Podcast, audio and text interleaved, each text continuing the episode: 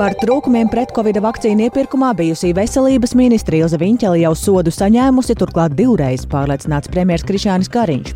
Viņš šodien sniedza liecības tiesā, kur skata kriminālu lietu pret bijušo ministri. Raidījumā pēcpusdiena jau tūdaļ plašāks ieskats sēdes gaitā. Lai mazinātu ēnu ekonomiku, stingrāk jākontrolē privātu māju celtniecību un remonti. Šādu ekonomikas ministrijas priekšlikumu šodien apsprieda atbildīgajā saimas komisijā. Un šeit mēs piedāvājam atvieglojumus iedzīvotāju ienākumu nodoklim par legāli saņemto pakalpojumu. Pēc brīža skaidrosim, ko tas varētu nozīmēt privātu māju būvētājiem. Un vēsturiskā līgatnes pārceltuve joprojām slēgta. Tās remonts pēc pavasara plūdos nodarītajiem bojājumiem ir ieildzis. Vai tas netraucēs tradicionālajai Jāņu ielīgošanai uz prāmju? Arī par to plašāk tūdaļ ziņu raidījumā pēcpusdiena kopā ar mani Dāci Pēkšēnu. Ar ziņām četros pēcpusdienā studijā Laura Zaķe. Šo pēcpusdienu valsts dienvidu daļā gaidāms pērkona negaisa ar stiprām lietusgāzēm, tā brīdina valsts ugunsdzēsības un glābšanas dienests. Vēja brāzmas sasniegs līdz 15 metriem sekundē lielu ātrumu, kā arī negaisa laikā iespējama krusta. Valsts ugunsdzēsības un glābšanas dienests vērš uzmanību, ka ir iespējama arī zemāko teritoriju aplūšana valsts dienvidu daļā, bet braukšanas apstākļus uz ceļa var apgrūtināt pasliktināta redzamība un akvaplanēšana. Par spīti pēdējo dienu lietum, ilgstošais sausums Latvijā radījis paaugstinātu ugunsbīstamību. Pērnā vasara bija silta, bet lietaina, līdz ar to arī ugunsgrēku skaits visa gada laikā bija mazāks nekā šogad līdz jūnija vidum. Visvairāk meža ugunsgrēku notiek Rīgas, Jūrmalas un Daugaupils piepilsētas mežos. Valsts meža dienesta meža un vides aizsardzības daļas vadītāja vietnieks meža uguns apsardzības jautājumos Zigmunds Jaunķiķis stāsta, ka uguns nedrošās sezonas laikā darbā tiek pieņemti papildus darbinieki ir 178 torņi, un uh, vienā daļā to torņu šo dežuranti ir. Un arī pierīgā mums uz 12 torņiem ir uh, pilotprojekts, respektīvi uz torņiem ir kameras, kas spēj detektēt dūmus un uh, noteikti diezgan precīzi atrašanās vietu ar koordinātām. Uz doto brīdi mums ir reģistrēti un dzēsti vairāk kā 400 ugunsgrēki ar izdegušo platību vairāk kā 500 hektāri. Salīdzinot pa pagājušo gadu, visa gada griezumā bija 391 meža ugunsgrēks un e, izdegusi mežzemes platība 221 hektārs.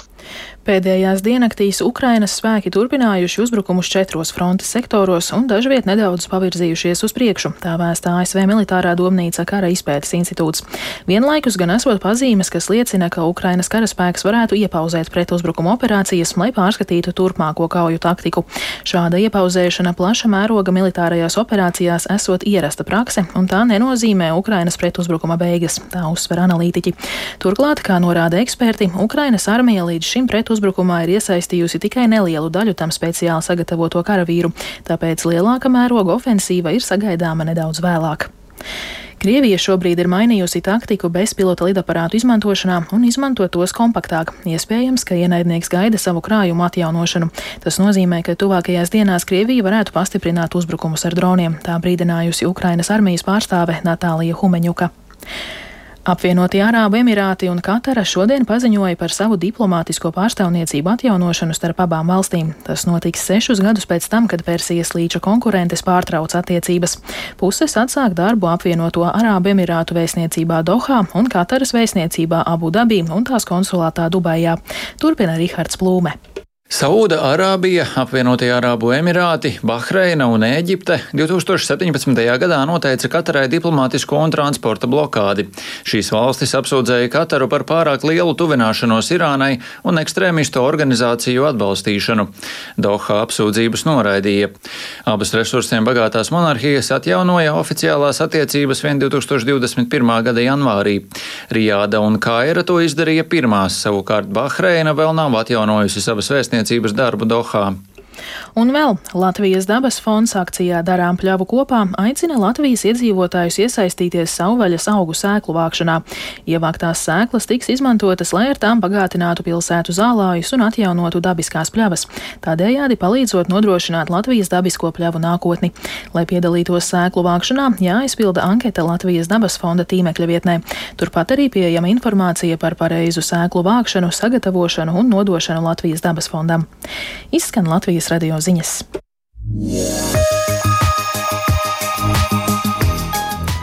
Gaisa temperatūra Rīgā šobrīd ir 27 grādi un pūš austrumu vējš 4 m2. Atmosfēras spiediens 764 mm, bet relatīvais gaisa mitrums 46%.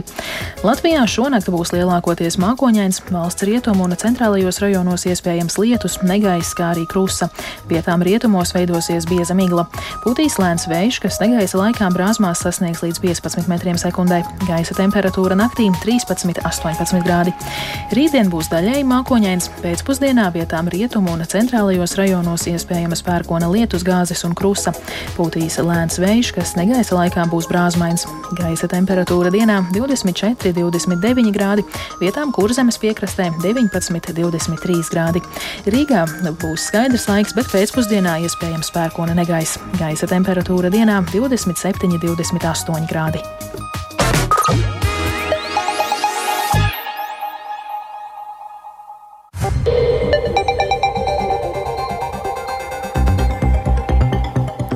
Ir 4,5 minūtes, skan raidījums pēcpusdiena, un tajā plašāk skaidrosim šīs dienas, 19. jūnija, būtiskākos notikumus. Studijā Dāca Pēkšēna. Esiet sveicināti!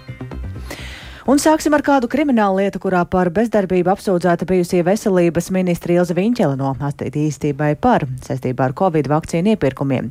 Viņa apsūdz par to, ka nenodrošināja vakcinācijas stratēģijas izstrāde, tādēļ potēšana pret Covidu Latvijā sākās vēlāk nekā citur Eiropā. Šodien Rīgas pilsētas vidzemes priekšpilsētas tiesā liecināja arī premjers Krišjānis Kāriņš no jaunās vienotības, kurš vairākas reizes tiesā uzsvēra, ka par trūkumiem pret Covid vakcīnu iepirkumā bijusī veselības ministre Viņķele, ja, kā politiķi jau samaksājusi turklāt divreiz, jo zaudēja amatu, savukārt vēlāk arī netika ievēlēta saimā. Tiesas sēde bija atklāta, premjerliecība un iztaujāšana noklausījās arī kolēģi Zanēniņa, kura šobrīd studijā sveikta. Labdien! Atgādināšu, ka notikumi, kas saistās ar šo kriminālu lietu, risinājās 2020. gada beigās un 2021. gada sākumā, laikā, kad Latviju bija pārņēmis jau otrais Covid vilnis. 20. gada novembrī Eiropas Savienība piedāvāja dalību valstīm centralizētā iepirkumā iegādāties vakcīnas. Kā izrādījās vēlāk, Ilzas Viņķels tolaik vadītā veselības ministrija izlēma nopirkt mazāk devu nekā Latvijai bija pieejams. Un e, veselības ministrē inkriminē arī to, kā jau tu teici, ka viņi nav laikus nodrošinājusi, ka top vakcinācijas stratēģija, kur un kā vakcinēs, kas to darīs, kur glabās vakcīnas un tam līdzīgi. Tā kā kopš tā laika jau pagājuši gadi, eh, premjeram Krišānam Kariņam daudzas detaļas bija piemirsušās, taču viņš pauda, ka tolaik lēmumu pieņemt juceklīgos apstākļos, gan drīz kā karā, tikai vēl sarežģītāk, jo pretinieks vīrus bija neredzams un nepazīstams. Viņš izteica minējumu, ka Ilza Viņķela pati nebūdama ārste, lēmumu pieņemšanā par iepērkamo vakcīnu daudzumu paļāvās uz ekspertu ieteikumiem. Un tikai vēlāk, kad Igaunijas ārlietu ministrs sazinājies ar Latvijas kolēģi un izrādījis pārsteigumu, ka šeit grasās iepirkt tik maz devu, eh, tikai tad nācis gaismā, ka Latvijai pieejams ievērojami lielāks vakcīnu daudzums. Eh, tā kā vakcinācijas jautājumā premjeras ar Ilzi Viņķeli nesot sapraties, galu galā viņš izlēms viņu no amata atlaist. Tas notika 21. gada sākumā. Drīz pēc tam viņa vietā šajā amatā stājās Daniels Pavļots, arī no attīstībai par. Un tad bija gan stratēģija, gan sākās vakcinācija. Tiesa gan atbildot uz jautājumiem, premjeras atzina, ka tad par vakcīnām jau bija zināms daudz vairāk nekā iepriekšējā gada rudenī. Izvaicāt liecinieku bija iespēja arī apsūdzētajai. Paklausīsimies nelielu fragmentu. Kariņkungs, vai jūs varat atsaukt atmiņā Kad jūs un kā man informējāt par to, ka jūs pieprasīsiet manu demisiju? To es neatceros, bet es pieņemu, ka tas bija tajā pašā dienā, kad es to demisiju pieprasīju. Jo es arī nebiju informējis savus partijas biedrus. Tas, nu, tas bija pēc, es neatceros, laikam, trešā reize, kad mēs politiski bijām teiksim, pretējos uzskatos, vai uzdevums ir vai nav izpildīts. Es to darbību gribēju izbeigt, un tad arī informēju, informēju savas partijas biedrus un informēju koalīcijas deputātus. Un es pat varu teikt tālāk, ka tas, ko es sagaidīju, ka tajā pašā dienā valdība beigtu pastāvēt vai vismaz koalīcija izbeigt. Valdība toreiz tomēr neizjuka. Ilzi Viņķela atlaida no amata 21. gada 5. janvārī. Taču tas nebija vienīgais jautājums, ko bijusī ministra uzdeva premjeram. Paklausīsimies vēl vienu. Vai jūs varat atcelt atmiņā uh, to, ka uh, mums viena no lielākajām nesaskaņām vakcinācijas plāna uh, sakarā bija uh, veselības ministrijas un līdz ar to arī manas piedāvātā pieeja pamatā akcentu likt uz ģimenes ārstu praksēm. Savukārt jums šķita, ka tas kaut kāda apsvēruma dēļ nebūtu jāorganizē šādā veidā. Jā, apmēram tā bija. Tas, ko nākamais ministrs izstrādāja, bija tā skaitā, kur ir lielie vakcinācijas centri, kas var uzņemt ļoti lielu cilvēku skaitu, un tie ārsti, kas veic manipulācijas, uh, nekonsultē pacientu par neko citu. Tātad veselības ministrijai bija vakcinācijas plāns, taču premjeram tas nešķita nekāds īsts plāns, kā viņš teica. Un, uh, pēc tam veselības ministrijai tas bija jāpārtaisa, tapa jauna stratēģija, bet to jau vairs neizskatīja tajā laikā, kad bija paredzēts, uh, jo Eh, veselības ministra tika atlaista. Un vēl jāsaka, ka premjeri izveicēja, protams, arī tiesnesi Zane Aldiņa, prokurors Gins Bērziņš un Ilzas Viņķēlas advokāta Sanita Bokta Strautmana. Jautājumi attiecās gan uz dažādiem faktiem un, un saistībā ar vakcināciju, gan arī deva iespēju Krišānam Kariņam izteikt viedokli, ko viņš arī nekavējās izmantot. Un tas tātad par tiesas sēdu, kā tā šodien beidzās, un ja gadījumā Viņķēla atzīs par vainīgu, kas viņai šādā gadījumā draud? Tiesa šodien nebeidz skatīt šo lietu. Krišāņa Kariņa liecības uzklausīšana jau ilga vairākas stundas, un izskatīšana vēl turpināsies citā dienā. Bet par sodu runājot, saskaņā ar attiecīgo kriminālu likumu pantu, es ieskatījos krimināla likumā, par valsts amatpersonas bezdarbību var sodīt ar brīvības atņemšanu uz laiku līdz trim gadiem, vai ir īslaicīga brīvības atņemšana, vai ar probācijas uzraudzību, vai ar sabiedrisko darbu, vai ar naudas sodu. Paldies Zanai Eniņai par ziņām no tiesas zāles, un patiesības meklējumi turpinās arī kādā citā lietā gan ne tiesā, bet Rīgas domas satiksmes un transporta lietu komitejā. Tā skatīja jautājumu par vairāku miljonu eiro nesēmniecisku izlietošanu ielu remontos. Un daļa deputātu uzskata, ka satiksmes departamenta direktora pienākumu izpildītāja Jāņa Vaivoda un satiksmes infrastruktūras pārvaldes priekšnieka Andreja Urtāna atstādināšana piekdien esot bijis politisks pasūtījums. Un sēdes norisēja sekoja līdzi kolēģis Kirmante Baļčūte, ar kuru šajā brīdī esam sazinājušies. Sveika, Kirmante! Un, saki, kādus šīs lietas aspektus eh, sēdē šodien apsprieda? Jā, labdien! Nu, šo jautājumu Rīgas domas deputāti nolēma izskatīt kā pirmo, un tas ilga vairāk nekā divas stundas. Rīgas domas satiksmes un transporta lietu komitejā tika pieminēts konkrēts skaitlis. Disciplināri pārbaudēs secināts, ka nesaimnieciskas rīcības dēļ Rīgas doma zaudēja apmēram 7 miljonus eiro. Piemēram, pārbaudot dokumentāciju, secināts, ka asfalta liešanas darbi tika dalīti mazākās daļās kuras maksā dārgāk nekā viena liela laukuma liešana, kā arī esat bijuši citi par 40% lētāki darbu izpildes piedāvājumi, kas varētu skart pusi no remontējumiem objektiem. Opozīcija esošās frakcijas saskaņa vadītāja vietnieks Andris Morozovs uzsvēra, ka trauksmes cēlāja ziņojums saņemts tieši laikā pirms konkursa uz reorganizētā satiksmes departamenta, ārtelpas un mobilitātes departamenta direktora amatu, uz kuru pretendē arī Jānis Vaivots. Lūk, ko, ko pateica Sēdēm Rozovs. Šīs ir politiskais pasūtījums, kas notiek ar eh, izpildītāju, šajā gadījumā Jāni Vaivodu, divas dienas pirms konkursa pasludināšanas rezultātiem, kur viņš arī piedalās viens no amata kandidātiem. Trausmas cēlā informācija, cik bieži Rīga, Rīgas domē nonāk arī par citiem jautājumiem, un cik bieži mēs atstādinām, piemēram, eh, augstu vadošos darbiniekus. Pēdējo reizi departamentu vadības līmeņa atstādināšana esot bijusi pirms diviem gadiem.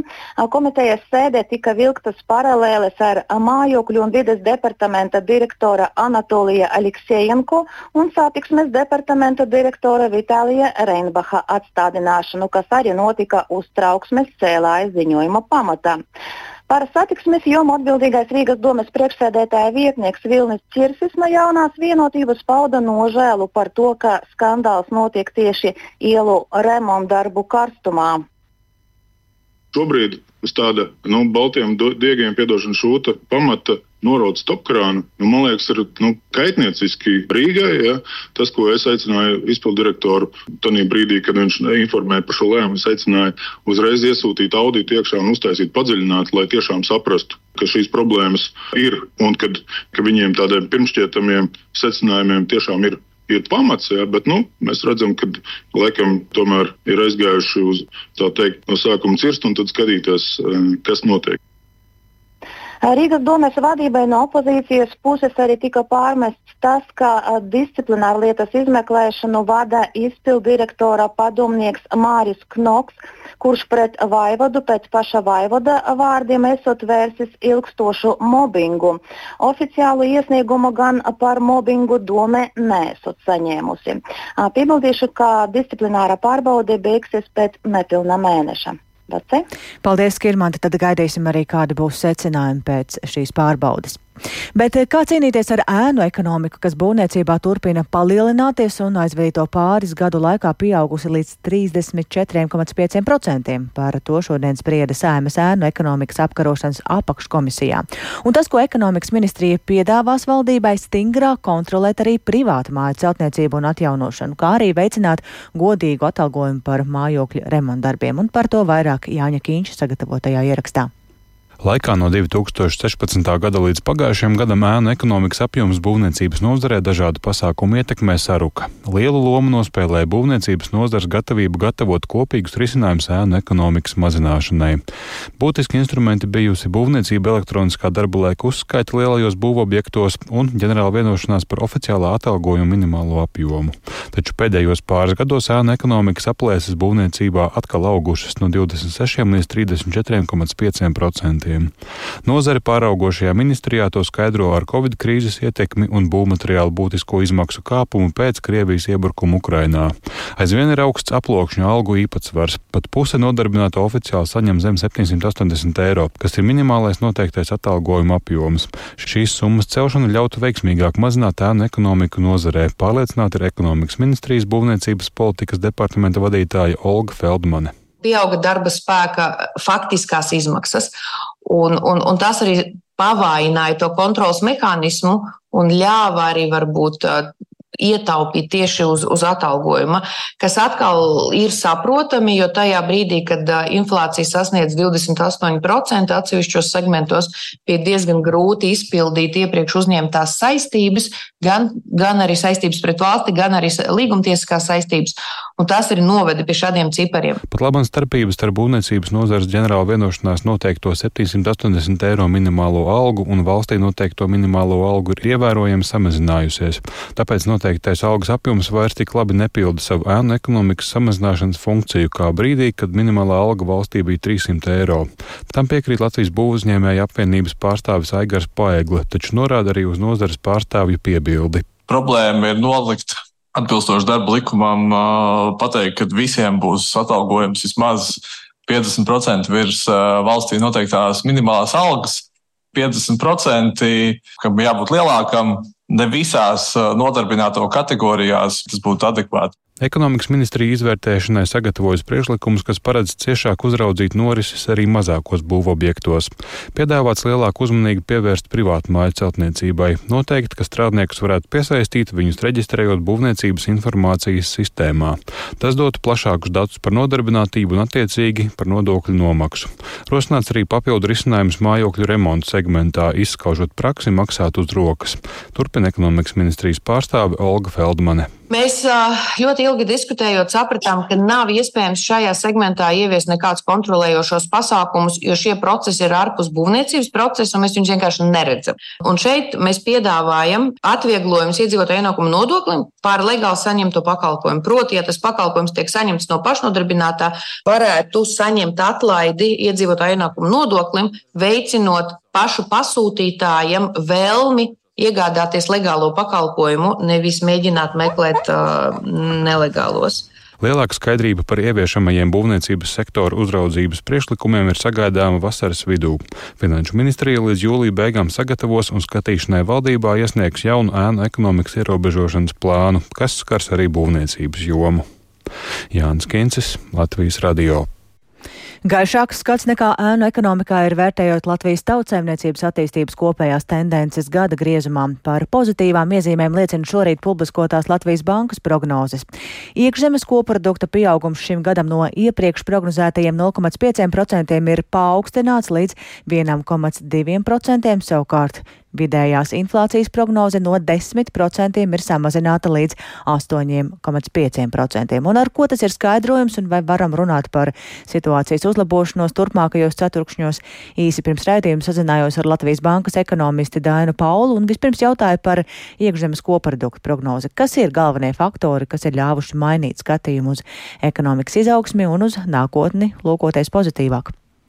Latvijas tautsēmniecības izaugsmes prognoze ir pārskatīta un palielināta šim gadam, proti iekšzemes koprodukts gadā kopumā varētu augt par 1,2%, kas ir straujāk nekā tika lēsts martā, bet tas gan nenozīmē, ka skats uz tuvāko ceturkšņu attīstību kļūs nožēnāks. Tieši otrādi tuvākajos ceturkšņos izaugsme varētu būt samērā pieticīga, jo, piemēram, visai noturīgā privātā patēriņa līmeņa saglabāšana iepriekšējās apkurses sezonas laikā varētu būt nedaudz agrāk tomēr noplicināta samazinājusi daļu uzkrājumu. Un tādējādi gada pieauguma prognozi paaugstinājuma virzienā notur iepriekšējā pāris ceturkšņu dati, kur līdzās patēriņa noturīgumam pēdējā ceturksnī arī sasparojās investīcijas. Tomēr pandēmijas laika uzkrājumiem sarūkot, un tie vairs nevarēs būt balstīti tuvāko ceturkšņu patēriņu, bet savukārt investīciju aktivitāti ieskauja nenoteiktība reģionā un tāpat arī augošas aizņēmumu izmaksas un tautsemniecības izaugsme mazliet piebremzē arī izaugsmas prognozes galvenajās tirzniecības partneru valstīs, tad no arī pieprasījuma viedokļi, tostarp arī kaimiņu valstīs. Ja mēs runājam par inflāciju, tad um, inflācijas prognozes arī ir pozitīvākas nekā iepriekš. Ko jūs šeit izceltu kā galvenos faktorus? Vai tie ir vairāk tādi iekšējie procesi vai Eiropas un globālajā līmenī skatoties? Aktualizētās inflācijas aplēses šim gadam savukārt pazemina globālo enerģijas cenu samazināšanās nu, kas attiecīgi arī ietekmēs uh, un jau ietekmē pamazām izmaksas gan Latvijas enerģijas uzņēmumiem, gan arī citu pārējo nozaru uzņēmumiem. Nu, līdz ar to gada inflācijas prognoze šim gadam ir samazināta līdz 8,5%. Uh, ja no tāda riska viedokļa raugās, nu, tad saspringta darba tirgus apstākļos, jāsaka, palielinās risks, ka, piemēram, balstoties uz augstākas inflācijas gaidām, darba ņēmēji pieprasa straujāku darba samaksas pieaugumu, lai kompensētu tādu inflāciju. Un, ja darba devēja, piemēram, šo darba spēku izmaksu kompensē ar produkcijas vai pakalpojumu cenas palielināšanu, tad inflācija var saglabāties augstāk ilgāku laiku. Jāsaka gan, ka šāda algu inflācijas spirāla šobrīd nav prognozes pamats scenārijs. Cik liela nozīme šajās prognozēs arī ir uh, tam, ka centrālā banka turpina paaugstināt procentu likmes? Attiecībā uz uh, procentu likuma paaugstināšanos jāsaka, ka ietekmi Latvijas tautsēmniecību samazina fakts, ka, piemēram, aizņēmumu nasta, ja tā var teikt, ekonomikā ir salīdzinoši zema, ja mēs salīdzinām ar, ar citām Eiropas Savienības dalību valstīm, kas nosaka to, ka šīs te aizņēmuma apkalpošanas izmaksas teiksim, nospiež ekonomiku mazāk nekā valstīs, kur šīs aizņēmuma īpatsvars ir, ir lielāks. Un līdz ar to teiksim, tāda Salīdzinoši lielāka ietekme ir gaidāma caur ārējo pieprasījumu, tātad caur galvenajām tirzniecības partneru valstīm, kurās aizņēmuma izmaksām ir būtiskāka ietekme, jo tur kreditēšana attiecībā pret ekonomiku ir lielāka.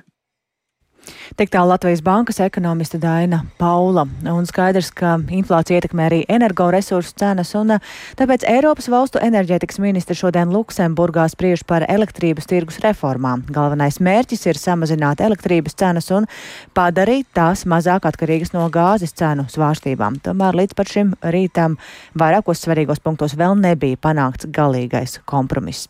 Vairāk par šīm diskusijām tagad ir gatavs stāstīt mūsu Briseles korespondents Arčoms Konohovs, un ar viņu esam sazinājušies tiešēdē. Labdien, Arčom, un saki, ar ko ir būtiska šī elektrības tirgus reforma, ko tā īsti piedāvā? Labdien, Dārts, labdien, klausītāji! Es teiktu, ka viens no svarīgākajiem elementiem ir pāriet no īstermiņa līgumi, līgumiem uz vidēju vai ilgtermiņa līgumiem. Un, uh, tas nodrošinātu stabilitāti un paredzamību un veicinātu arī atjaunojamās enerģijas izmantošanu. Tas ir viens no šiem būtiskākajiem mērķiem. Faktiski elektrības tirgus uh, dizains ir, ka viņi salīdzināja ar tādu kā uh, datoru, datoru sistēmu, kurā pēc tam var izmantot dažādus enerģijas veidus un dažādas um, pat piegādātājs un patērētāji var satikties. Tāpēc ir būtiski, lai tā uzbūve būtu laba un mūsdienīga. Un šobrīd mēs zinām, ka mēs esam uh, cietuši tieši no svārstībām, kas, ko, ir radījuši, ko ir radījusi gāze un augstās gāzes cenas. Patērētāji nav pietiekami saņēmuši tos labumus, kas nāk no lētākas enerģijas, kas ir no atjaunojumiem energoresursiem un arī no valstīm, kur ir, um, kur ir um,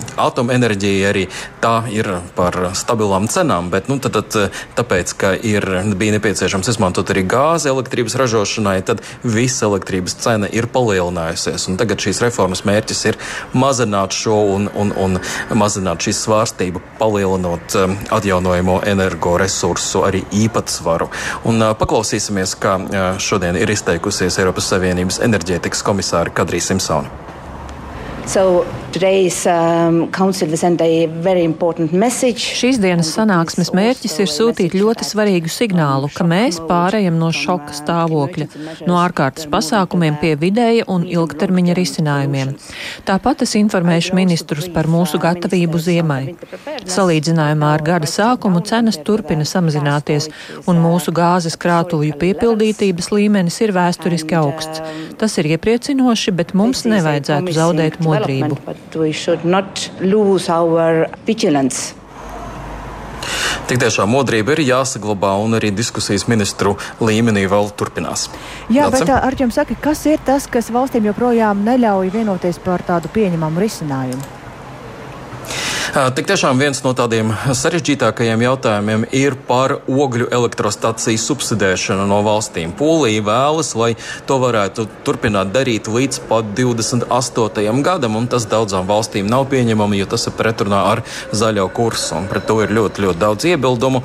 Izskan arī iebildumi par to, ka šis tirgus dizains nav pietiekami mūsdienīgs un ka arī tur varēja darīt vairāk, lai nodrošinātu iedzīvotājiem lētākas cenas, varbūt fiksētas fiksētas cenas un o, kaut kādu tādu teiksim, šo dizainu varēja adaptēt vairāk tām izmaiņām, kas ir notikušas pēc Krievijas uzsāktā kara Ukrainā. Bet, nu, tad, tad šobrīd svarīgākais ir šis strīds par ogļu izmantošanu un ogļu elektrostaciju subsīdijām.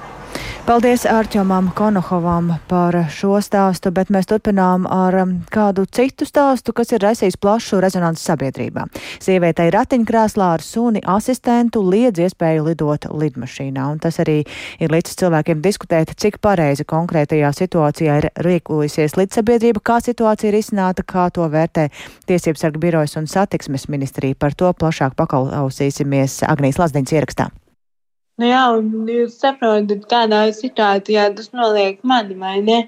Es palieku bez palīdzības, un manā bija jāizdomā, kur to sunīti likt. Tā stāsta Baiba Baikovska. Viņai bija paredzēts lidojums uz darba konferenci Malagā, Spānijā. Baiba ir funkcionāli traucējumi, un viņai vienmēr līdzi ir suns pavadonis. Lidojuma reisa biļetes līdz sabiedrībā Air Baltica Baiba iegādājās jau janvārī, lai būtu droša, ka ar viņu kopā varēs doties arī viņas suns Elfa. Un, lai gan līdz pat pēdējiem lidojuma brīdim bija pārliecība, ka abas varēs doties uz Spāniju, tomēr īsi vien pirms došanās uz lidmašīnas klāja Baibu pārsteidza nepatīkama ziņa. Viņas reisu apkalpo nevis Air Baltica, bet kompānija Karpa Tair, kas atsakās uzņemt baibu uz lidmašīnas klāja kopā ar viņas suni pavadoni. Uz Malagu baiba devās viena pati, Elfa atstājot lidostā, kurai pakaļ ieradās baibas mamma. Savukārt šorīt no rīta es patiesībā vēl vairāk eh, sapratu, ko tas nozīmē. Man palika bez suņa, eh, jeb bez cilvēka, vienalga bez kāda asistenta jo manā gadījumā cilvēka funkcijas pilda suns, jo tas man šorīt no rīta nozīmēja lieku stresu, nespējot piecelties no gultas, ko man ikdienā palīdz izdarīt elpa. mans suns asistents. Kā uzsver Baiba, šajā situācijā nespēja saskatīt pozitīvo, jo viņa iedomājas cilvēkus, kuri nevar palikt bez sava suņa pavadoņa. Ja viņai tās esot fiziskas nērtības, krišanas draudi, lielāks nogurums paliekot bez sava palīga, finansiāli zaudējumi un emocionāla trauma, tad citiem cilvēkiem tas var būt dzīvības un nāves jautājums. Šāda veida situācijas nav pieļaujamas. Tā uzsver tiesības sarga biroja pārstāve Ruta Siliņa. Viņa stāsta, ka nonākot līdzīgā situācijā, vispirms ir jāvēršas pie avio kompānijas, taču arī tiesības sarga birojas var iesaistīties kā vidutājs, ja cilvēks vēršas pēc palīdzības un ja abām pusēm nav iespējams rast izlīgumu. Suns pavadonis nav vienkārši mājas mīlulis. Cilvēkam ar speciālām vajadzībām, tā cilvēkam ar invaliditāti, šis suns pavadonis ir kā neatsverama nu, palīdz, kā ierīce, kas viņam palīdz pārvietoties un nodrošina to, kas ir šī te pakalpojuma pieejamība. Un konkrētajā gadījumā tas suns pavadonis ir viens no šiem elementiem, kas pilda pieejamības nodrošināšanas funkciju personai ar invaliditāti. Tātad tas nozīmē, ka šajā situācijā liedzot sunim pavadonim iekāpt lidmašīnā kopā ar savu, nu, sauksim viņu par saimnieku, tas nozīmē, ka tika liekta cilvēkam šī tiesības uz pieejamību, un uh, mēs varam teikt, ka tur ir diskriminācijas aizlieguma pārkāpums. Tas nozīmē to, ka šajā gadījumā cietusī persona var vērsties pie avio kompānijas un lūgt uh, kompensācijas mehānismu. Līdzsabiedrības Air Baltica pārstāvis Augusts Zilberts uzsver, ka tā ir absolūti starptautiskā aviācijas prakse, ka suņi pavadoņi tiek bez izņēmumiem pārvadāti kopā ar to saimniekiem.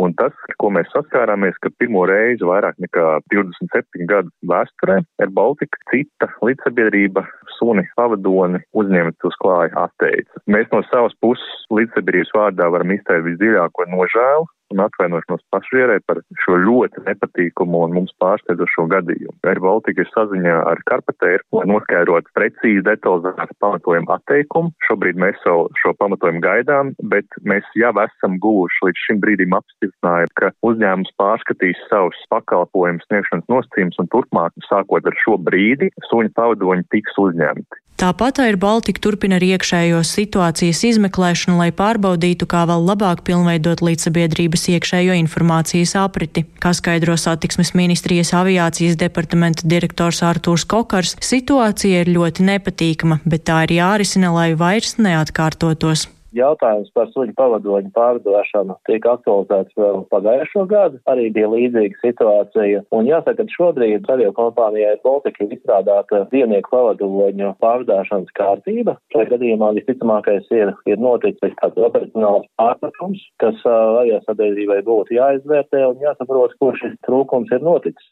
Air Baltica gan vienošanos ar Baibu panāca, un jau šodien Baibas mamma kopā ar suni pavadoni Elfu dosies uz Malagu pie Baibas. Agnija Lazdiņa, Latvijas radio. Bet par ceļojumiem pie mums iekšzemē, kur arī viss nenotiek tik gludi, kā gribētos, ceļotāju iecienīts objekts ir vēsturiskā līgatnes pārceltuve. Tādas nav nekur Baltijā, un arī nesen Donavā to slēdzot, tā ir viena no divām Latvijā palikušajām pārceltuvēm. Turklāt pāri gaujai to nes nevis motors, bet straumi, un pārcēlājs tikai ar trošu palīdzību piekoriģēja pareizo kursu. Vēsturiskais prāmis cieta šī gada pavasara plūdos, un tas joprojām nav sācis darbu. Raudzīt, kā rit remonts un vai tas netraucēs tradicionālajai Jāņu ielīgošanai, devās Ieva Puķe skaidrot. Tu esi sasniedzis savu galamērķi! Yes! Esmu nonākusi pie līgatnes pārceltuves Gaujas labajā krastā, 12 km ar auto pa putekļainu zemes ceļu no Valmieras šosejas puses joprojām šķiet romantisks maršruts turistiem, kuri grib piedzīvot braucienu ar prāmi. Otrpus gaujai, līgatnes centrā, viņus gaida gan restorāni, gan citi vilinoši objekti. Diemžēl balss zvejas navigācijas sistēmā ir kļūdījusies. Priekšā ķieģeļa zīme. Pārceltuve ir cieta. Otrpus upē no koka pēnas iznāk divi vīri un ar āmuriem sāk naglot piestātni. No dzeltenās pārcēlāja mājiņas labajā krastā parādās darbinieks Gunārs Lūsars. Nē, salauz nekas nav. Vienkārši nav salikts kopā. Nē. Tā kā cilvēks paliek vecs un atver pasu un palasa, kas tur rakstīts. Tas vienkārši ir nolietojums. Vo, vo.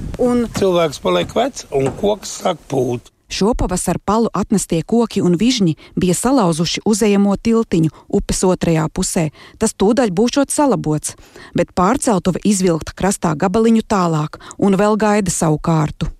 Kad atkal būs vaļā pārceltuve, Gunārs nevar pateikt, bet Naska piedāvā alternatīvu. Ot atbrauc tāda jūs kundze. Viņa grib uz veikalu. Ja tur papakaļ vienā dienā, no katra pa eiro 50, un Gunārs laiž ieslēdz kreiso labo motoru un Ar motorlaiviņu, ja? Jā, Ne- nevis ar kur ir. Tie ir viņa motoriņi, ne ar airiem. Kaimiņiene Jana Mužniece no pārceltuvei tuvējām mājām stāsta, vietējie iedzīvotāji, lai tiktu uz veikalu vai arī uz darbu, izlīdzas ar Gunāra pakalpojumiem, bet visvairāk ir žēl turistu. Pamazām jau acīm redzot, aprod cilvēki, tā informācija acīm redzot, nu, sasniedz tos braukt gribētājus uz šejieni.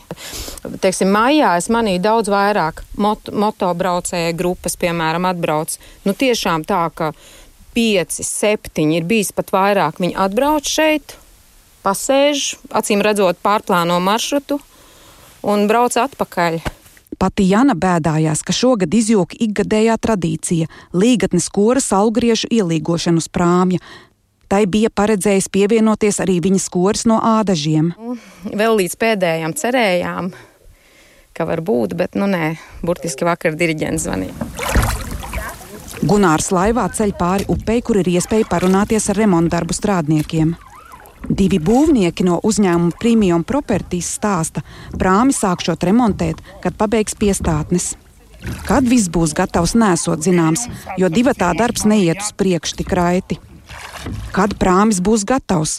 Šo jautājumu uzdod arī Cēsu novada Līganas apvienības pārvaldes saimniecības vadītājiem Dainim Jurkam, kurš atbrauc sapraudzīt objektu. Precīzi to es nepateikšu, bet nu jūnijā.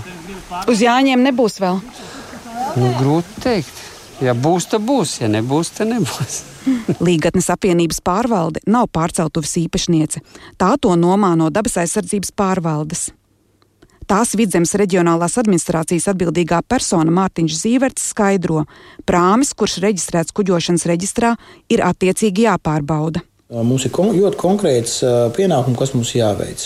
Tad ikgadējās apskates, starp apskati dokā un kārtējā apskate. Tad tie ir tie trīs dokumenti, kā pamata, ja attiecīgi šis kuģis, kas ir pārceltu, iziet visus šīs drošības aspektus, mēs viņu varam eksploatēt. Pavisam vienkārši. Zīverts stāsta, ka plūdu izraisītos bojājumus ātrāk novērst nevarēja birokrātisko procedūru dēļ. Režisors Pauls Česteris, kura ģimenes īpašums arī atrodas līdzās slēgtajai pārceltuvei, gan saka, tā jau ilgstoši bija dīkstāvē pirms diviem gadiem, kad to arī sabojāja pali, bet mācība nav gūta. Situācija, protams, ir um, absurda un skaudri komiska. Es nevaru ne uz vienu uh, institūciju novelt vainu, jo man liekas, ka tas kāzus rodas tieši tajā, ka neviens ne otrs līdz galam laikam varbūt nav atbildīgs par šo objektu. Bet tikmēr turisti pie upes atduras pret aizsargu barjeru, lai arī pārceltuvē pēc ķestera domām jau sen vajadzēja pretendēt uz UNESCO mantojuma sarakstu. Ieva Puķa, Latvijas radio. Bet no Līgatnes ieva jau ir pārcēlusies uz Rīgu un pārsēdusies tramvajā. Jau rīt ierastajā maršrutā no Rīgas centra uz Meža parku un atpakaļ atkal dosies 11. tramvajs, kas nekursēja gandrīz gadu. Uzņēmums Rīgas satiksme šodien žurnālistiem ļāva pievienoties īpašā reisā pār Brāzas tiltu, kas ilgstoši bijis remontā. Un tātad ar tramvaju brauc kolēģi Ieva Puķe, ar kuru šajā brīdī esam sazinājušies. Sveika, Ieva, un es saprotu, ka tikko esi šķērsojis Brāzas tiltu. Saki, kādi ir tavi iespaidi pēc šī brauciena laikā, un vai varam teikt, ka rīt jau viss būs pa vecam? Uh, sveika, Dārsa, sveiki, klausītāji. Uh, rīt vēl nebūs pa vecam, jo ir uh, uzbūvēta viena puse tilta, nu, protams, viena mala tilta. Jo tā mala ir visā garumā, kreisā mala, pa kuru ies tramvaji. Tas nav tilta remonts, bet tas ir pilnīgi jauns tilts. Um, šajā braucienā bez žurnālistiem piedalījās arī Rīgas satiksmes uh, atbildīgā persona valsts priekšsēdētāja Džineta Inusa un vicemērs Vilnis Kirs no jaunās vienotības, kas ir arī atbildīgs par transporta uh, jautājumiem. Uh, un, uh, viņi stāstīja, ka uh, tā, ir bijis ļoti īsā termiņā šis jāizdara, bet esot viss tiešām pārbaudīts rūpīgi un uh, tramvajs jau no rītdienas kursēs. Um, ir, ja vecais tilts bija, uh, ne, uh, bija tāda atsevišķas plātnes ar, ar salaidumu vietām, laidumi, tad jaunais ir nepārtraukta sija, kas ir 1,2 metrus bieza no dzelzbetona un esot absolūti drošs. Bet par transporta uh, laika grafikiem klausieties, ko saka Rīgas satiksmes vadītāja Džinata Innusa. Pirmais reizes ir 4.31 no 5. tramvaja depo. Tie, kas brauc patstāvīgi, zina. Un līdz ar to faktiski rītdien ar pirmo reisu mēs atsākam regulāru kustību 11. maršrutā ar tramvajiem. Tā kā pēc tramvaja saraksta visus pasažierus lūdzu ņemt vērā, ka 11. autobus vairāk nebūs. Ja tad, tramvajs atgriežas savā pamat maršrutā un tramvajs turpinās kustību ne tikai dziesmu svētku laikā, bet arī pie dziesmu svētkiem pastāvīgi. Tā kā līdz ar to mēs arī tiešām tiešām esam ļoti gandarīti, ka mums, kā būvniekiem, ir izdevies tomēr izpildīt solīto, jo ir ļoti saspringta un ļoti īsā laikā izdarīti milzīgi būvdarbi. Jā, Ieva, vēl īsi par to, ka tur, kur atļauts kursēt tramvajiem, tas nozīmē arī, ka pārējā satiksme tur drīzumā varētu pilnībā atjaunoties. Nē, pārējā satiksme neatjaunosies, kamēr tilts nebūs pilnībā pabeigts. Uh, braucienā piedalījās arī profesors Ainārs Paiglīts no Rīgas Tehniskās Universitātes uh, ceļu un tiltu katedras vadītājs. Viņš man pastāstīja, ka pilns projekts paredz arī veloceliņu un arī gājēju uh, daļu. Un, uh, šī gājēju daļa arī pagaidām nesāk darboties Uh, otrā tilta pusē vēl rosās strādnieki un notiek aktīva būvniecība. Paldies kolēģei Ievai Puķei par ziņām no tramvaja. Tātad rīt 11. Eh, tramvajs atkal kursēs um, un vedīs uz meža parku.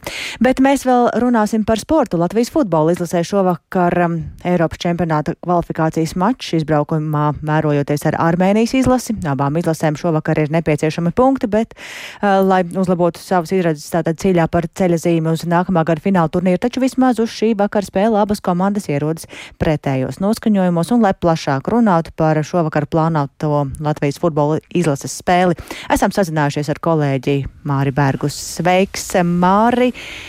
Jā, Latvijas izlasēja piekdienas spēle, kam praktiski uzreiz sekoja arī pārlidojums uz Armēniju. Vai varam teikt, ka komanda ir paspējusi atjaunoties?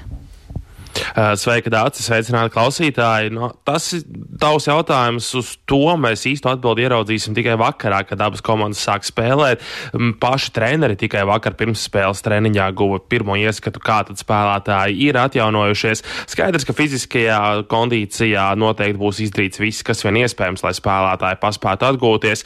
Taču jāņem vērā, ka ir jāizvada divas intensīvas spēles īsā nogriezienī, un Latvijas futbolisti pie tā tik ļoti nav pieraduši tieši. Svarīgākais gan būs spēja un prasme atjaunoties psiholoģiski, jo piekdien Latvija aizvadīja gana kvalitatīvu spēli, taču traumatiskā galotnē ar 2-3 tomēr zaudēja Turcijai. Armēņi tikmēr ir uz tāda pacelāta viņa, viņi ar 4-2 uzvarēja Velsu, un jā, tā tad viņi ierodas uz spēli savās mājās, bet kā būs, to mēs, protams, redzēsim laukumā. Dace? Bet, ja par mūsu pretinieku Armēnijas izlasi, cik spēcīga tā ir un vai varam pacīnīties par sev labvēlīgu rezultātu. Pēc spēku samēra Armēnija kotējas nedaudz zemāk nekā Turcija, proti tā ir mazliet vājāka izlase. Ja uz šo grupu skatāmies ar tādām kā pagātnes acīm, proti uz to, kā viss izskatījās tūlīt pēc grupu turnīra izlozes, tad Armēnija izskatījās pēc komandas, pret kuru mūsējiem pat visreālāk ir izcīnīt punktus.